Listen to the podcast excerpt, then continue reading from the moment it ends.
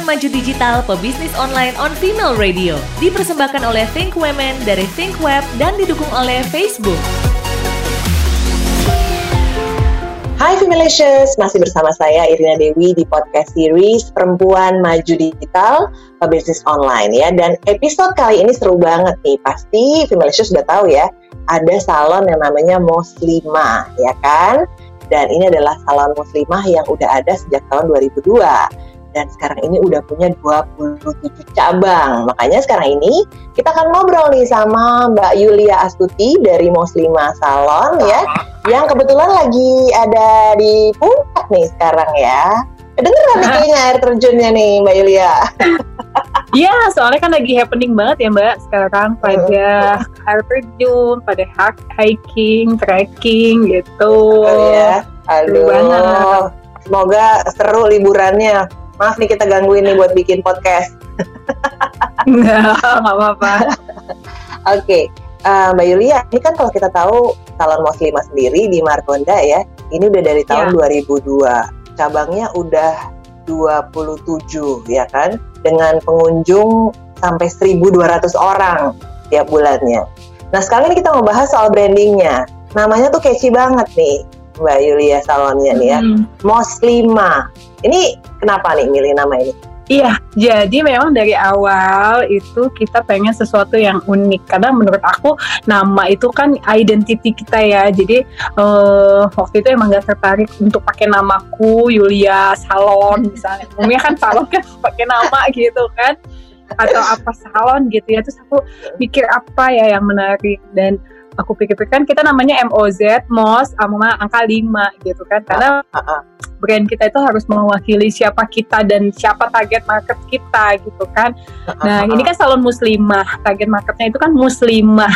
Jadi aku utak atik dari kata muslimah ini gimana ya? Ya udah akhirnya mos lima.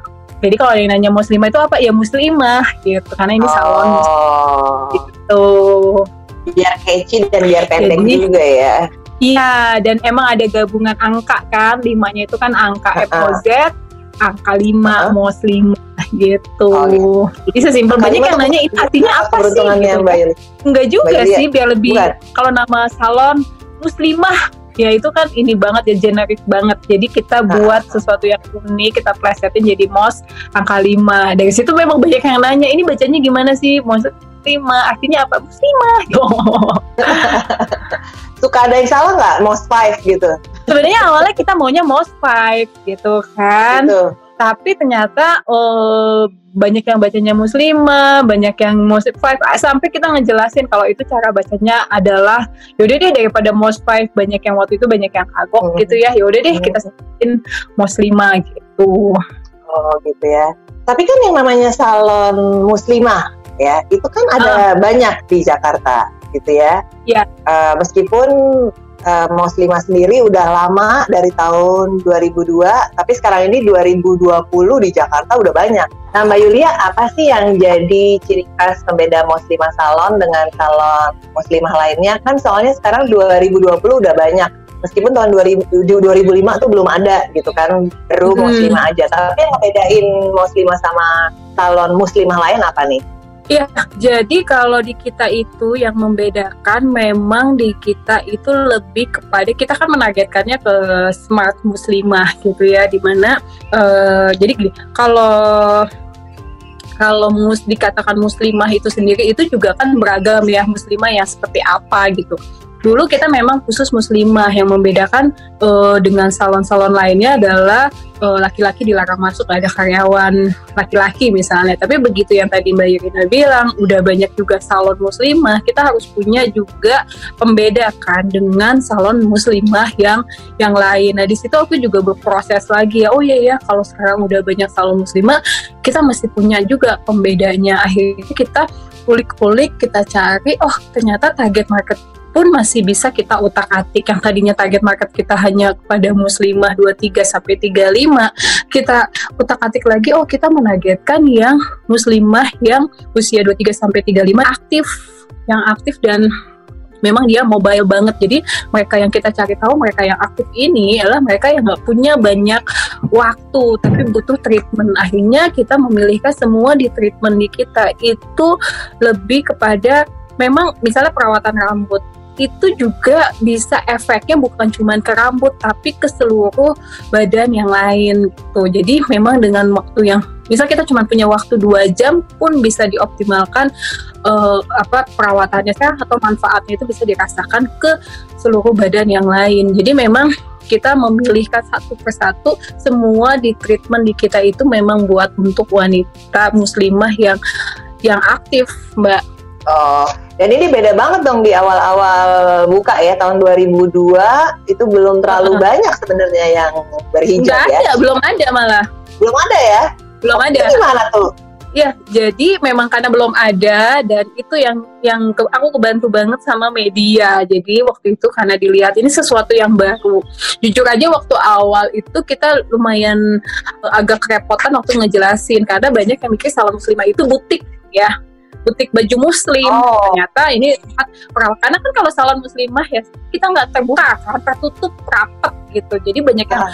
ragu-ragu mau masuk.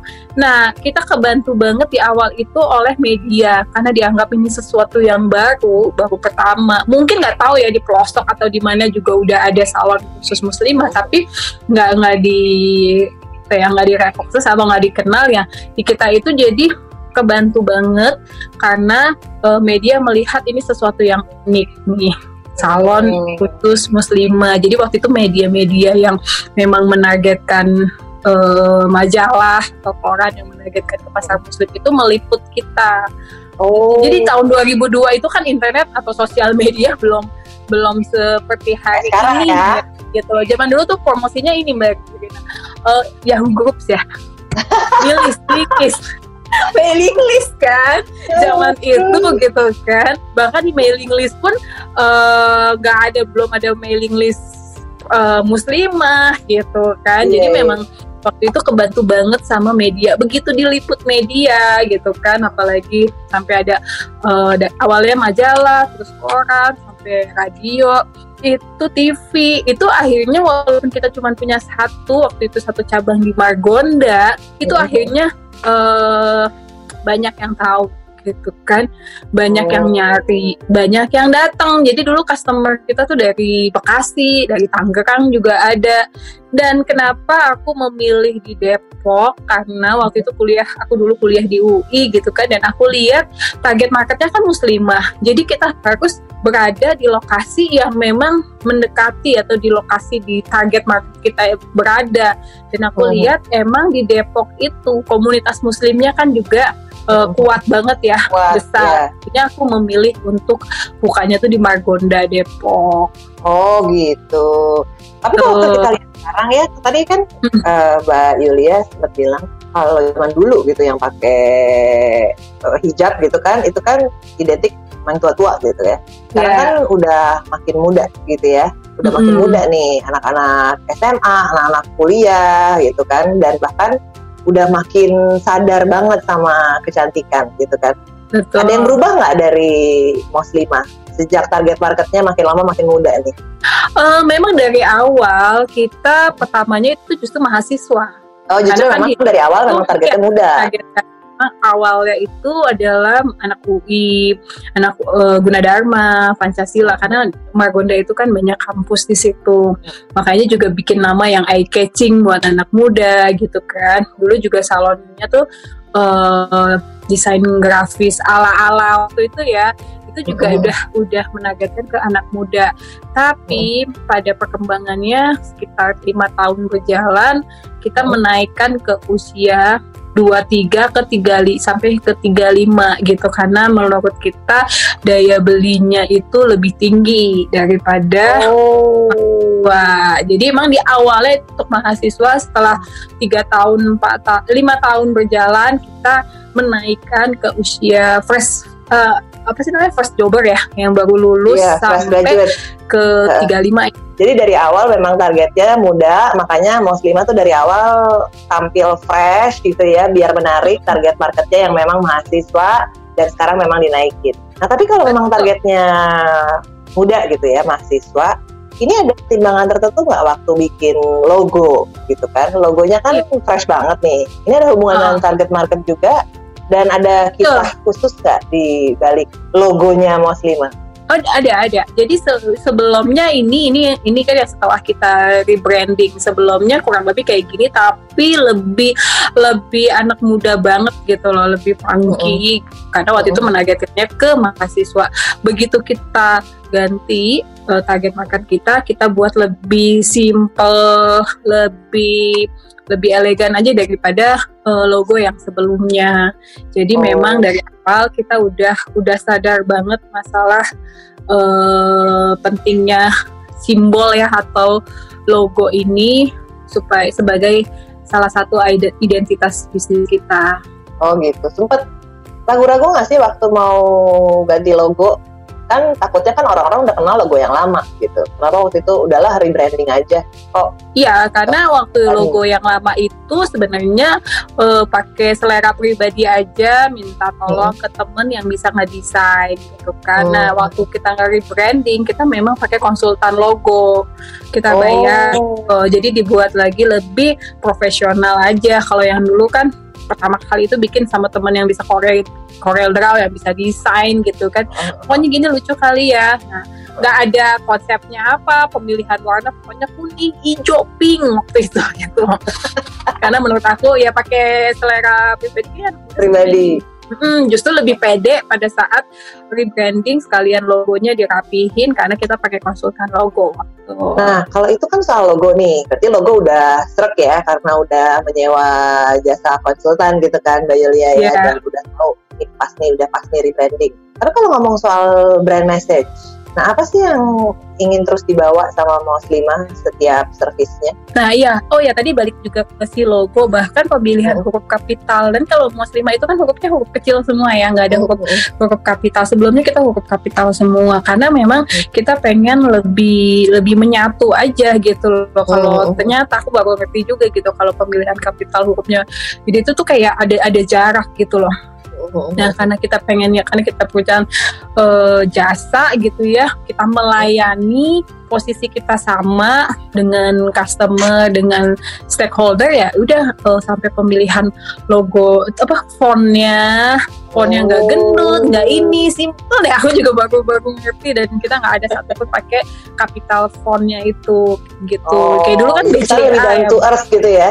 ah, lebih down to earth, lebih kita nggak lebih tinggi, nggak ya justru kita melayani yang seperti itu. Oh, berarti nih ya, Femalicious yang Iya, lagi bikin brand ya, dapat konsultasi gratis nih dari Mbak Yulia nih ya.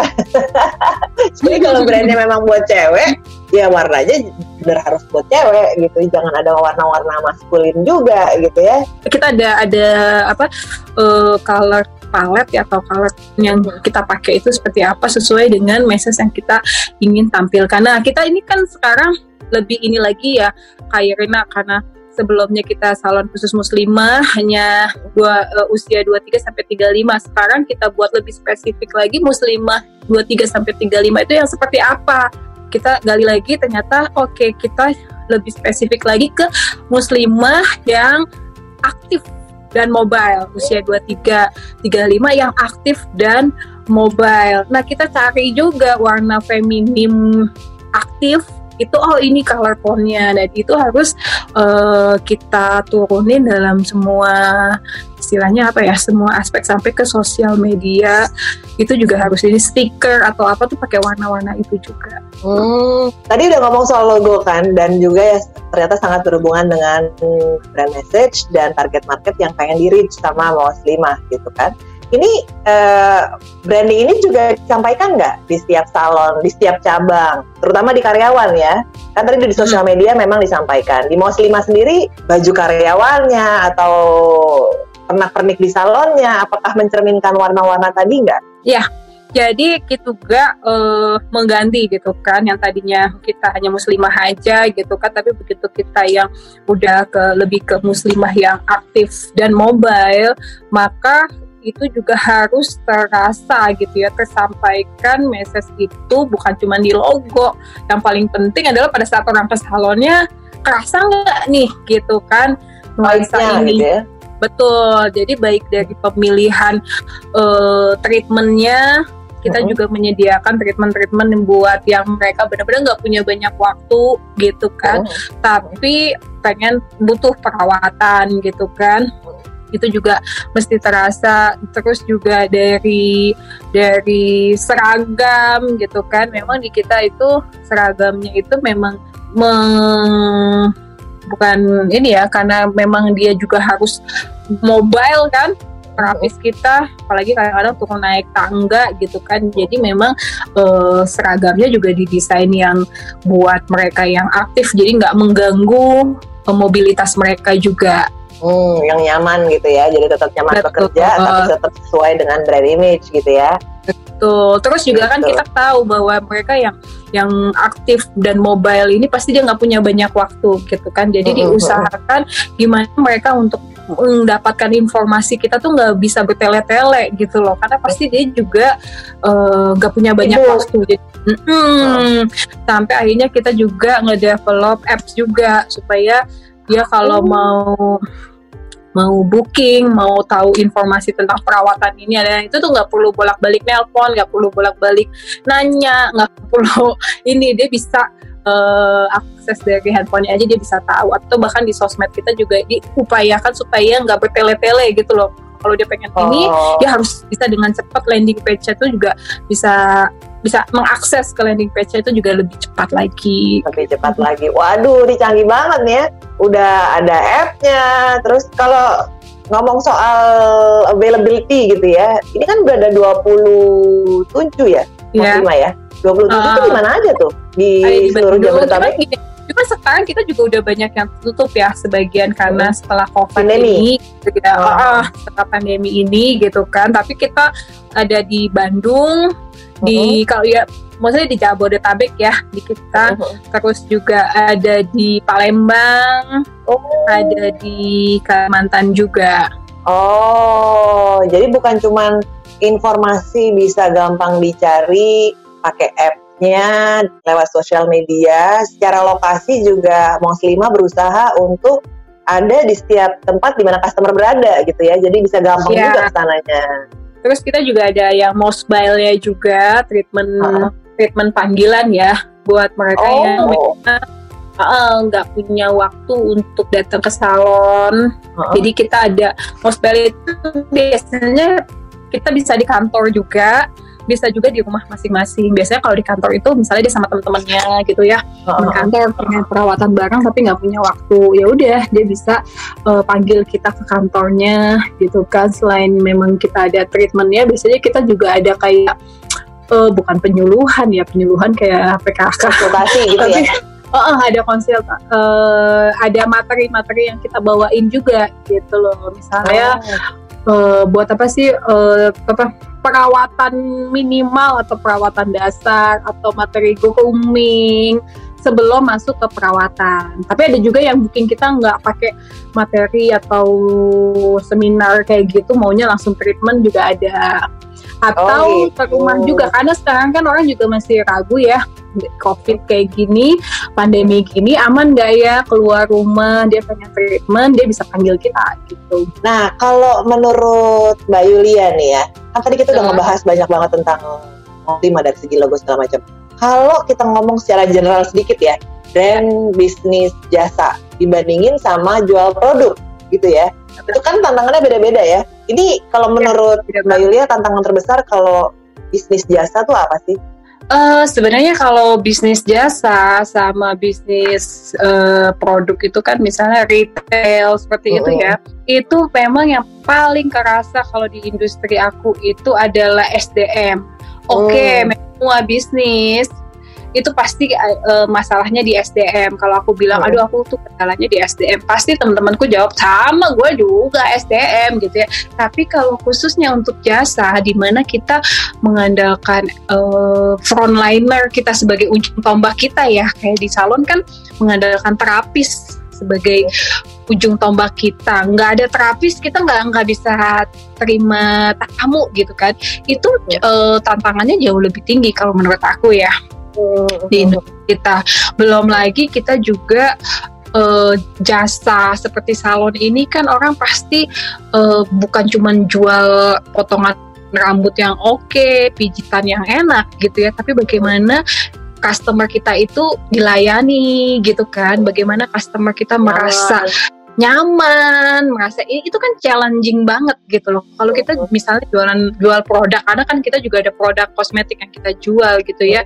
Ibaratnya kita bisa lewat marketplace atau bahkan kita jual di toko offline pun karyawan yang nggak oke okay, kita bisa ganti ke orang lain gitu ya. Tapi kalau di salon itu kan nggak gampang gitu loh. Untuk ganti-ganti jangankan kita uh, memberhentikan karyawan karyawan kita rolling aja itu tamu pasti mana ya yang biasa megang saya mana nih? Itu kan ya nggak? Kalau yang suka jalan oh, pasti Mania mana nih Mania nih? Gitu ya. Ya udah deh nggak jadi aja kalau nggak ada Mania gitu ya. Uh, uh, itu. Jadi ketergantungan nah jadi kawan sedia aku itu adalah bagaimana kita punya sistem yang orang datang ke kita bukan karena si A si B atau si C. Uh, uh. tapi memang mereka udah attach gitu ya dengan uh semua servis yang diberikan gitu kan. Oh. Ini udah emang karena muslimanya bukan karena si Bania. A.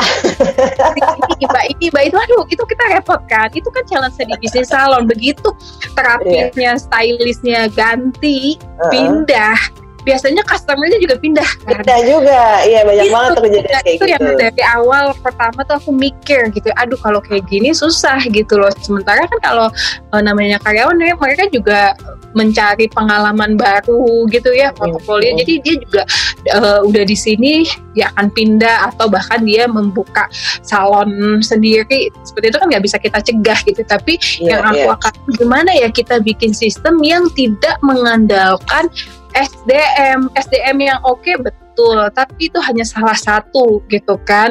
Tapi mereka datang memang karena mereka suka ininya suka ini. Mereka memang datang karena muslimanya bukan karena personilnya. Nah itu kan tantangan banget gitu. Itu gimana tuh mengatasinya? Kan bagaimanapun kan uh, untuk bikin customer itu ngerasa nyaman dalam arti siapa pun yang menghandle saya di Moslima saya akan ngerasa oke okay, gitu ya itu gimana caranya sih? Nah caranya itu yang tuh? itu yang akhirnya kita gini oh berarti kita memang nggak jual secara kita nggak jualan produk kita nggak jual guntingan yang oke okay, kita nggak jual pijitan yang nyaman. Tapi yang kita jual itu apa ya? Kita harus punya value ya.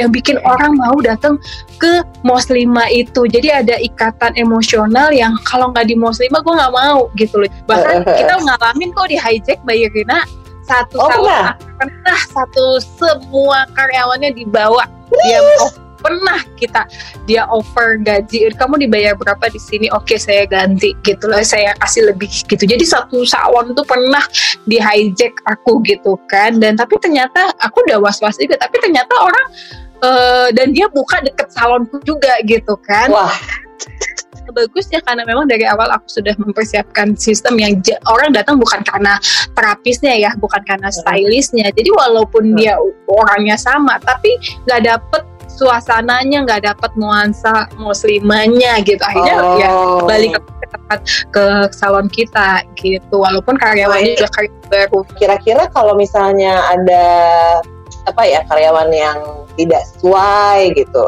kan kita ada yang namanya quality control gitu ya.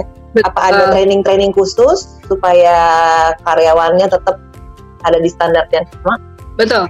Kita punya training gitu kan. Pastinya hmm. kalau uh, training gunting rambut gitu kan uh, itu udah udah udah pasti ya kita juga ada training centernya tapi yang paling penting adalah menurut aku itu di soft skillnya bahkan hmm. sekarang kita udah soft skill itu kan bagaimana dia melayani gitu kan hmm. bagaimana dia bersikap sopan bagaimana dia sikap melayani dan dan ternyata kita bahkan turunkan lagi ke hard skill hard hmm. hati hard oh, skill oh hard skillnya hard ya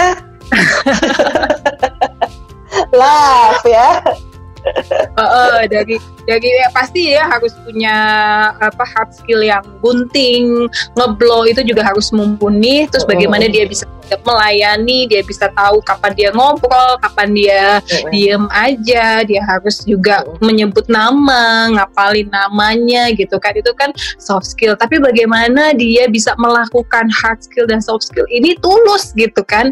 Dari hati itu kan yang berdarah-darah ya kita ngebangunnya. Iya, uh -uh, makanya kita ada lagi hard skill. Nah itu yang memang nggak bisa cuma lewat training, tapi juga harus walk the talk, harus dilihat.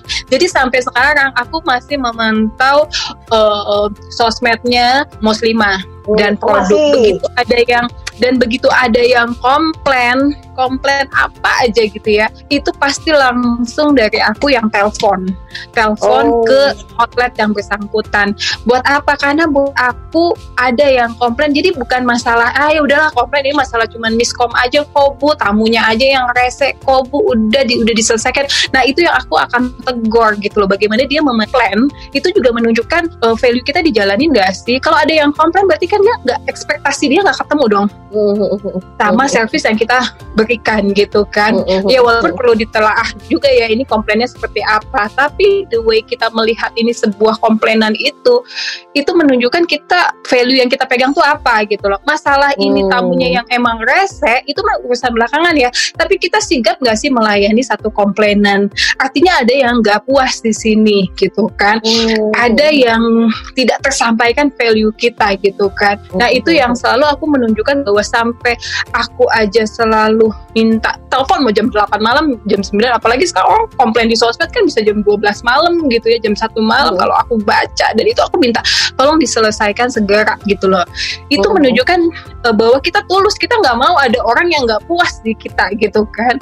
Di kita itu yang yang utama. Sampai ada yang komplain di sosial media ekspektasi dia nggak ketemu sama sama pelayanan di kita gitu kan. Jadi walaupun nanti dicari tahu iya. kadang-kadang memang ada masalah cuma masalah teknis atau uh, miskom. Tapi kadang-kadang memang kitanya juga yang miss gitu loh. SOP-nya nggak jalan ternyata si uh, custom apa terapis kita juga mengabaikan. Nah, itu yang akhirnya kita uh, bantu lagi, kita ganti untuk apa kita bangun lagi sampai message yang pengen aku tunjukkan adalah ke karyawan sih bukan menyelesaikan masalah komplainan itu udah ada udah ada timnya tapi aku pengen tunjukkan jangan pandang remeh masalah komplain itu hmm. harus segera diselesaikan. Tangani, gitu ya. Tangani itu itu Jadi, yang message pengen aku tunjukkan ke tim. Makanya aku masih oh. membaca. Kadang-kadang aku bantu jawab juga, aku DM juga gitu kan. Setelah satu bulan dia udah ini aku DM gimana Mbak kabarnya?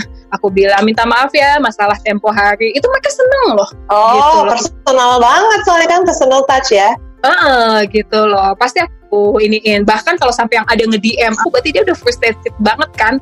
Sampai ngubunginnya ke aku minta eh itu aduh itu udah yang paling parah kalau orang sampai komplain langsung ke aku. Oh iya iya iya. Benar berarti harus sabar dan harus berkomunikasi terus ya sama karyawan biar visinya sama terus ya. Karena namanya Betul. brand value itu kan harus dimengerti secara penuh sama karyawan kan. Jadi benar-benar harus dikomunikasikan, di-maintain terus gitu. Apalagi dengan perbedaan generasi gitu kan. Yang Betul. karyawan juga makin lama makin muda. Nah, Femalicious nih ya bagi yang mau mengembangkan bisnis jasa nih ya, ini satu hal yang sangat penting untuk setiap karyawan mengerti nih brand value dari brand kalian gitu ya. Nah ini kan banyak banget nih Mbak Yulia pebisnis pemula yeah. ya. Ini kalau ngomong apa yang perlu disiapkan dari segi teknis, segi mental, brandnya Mbak Yulia hmm. di Moslima ini udah besar banget. Bahkan sekarang udah punya Mo Ayu juga. Nanti di Betul. podcast podcast berikutnya kita bahas nih uh, Mo Ayunya.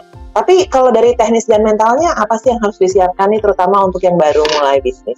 Oke, sebelum ke teknis menurut aku mental dulu ya. Hmm. Jadi kalau mental kita mau terjun ke bisnis itu satu yang harus disiapkan bahwa ini pasti perjalanan satu perjalanan yang gak mudah gitu kan.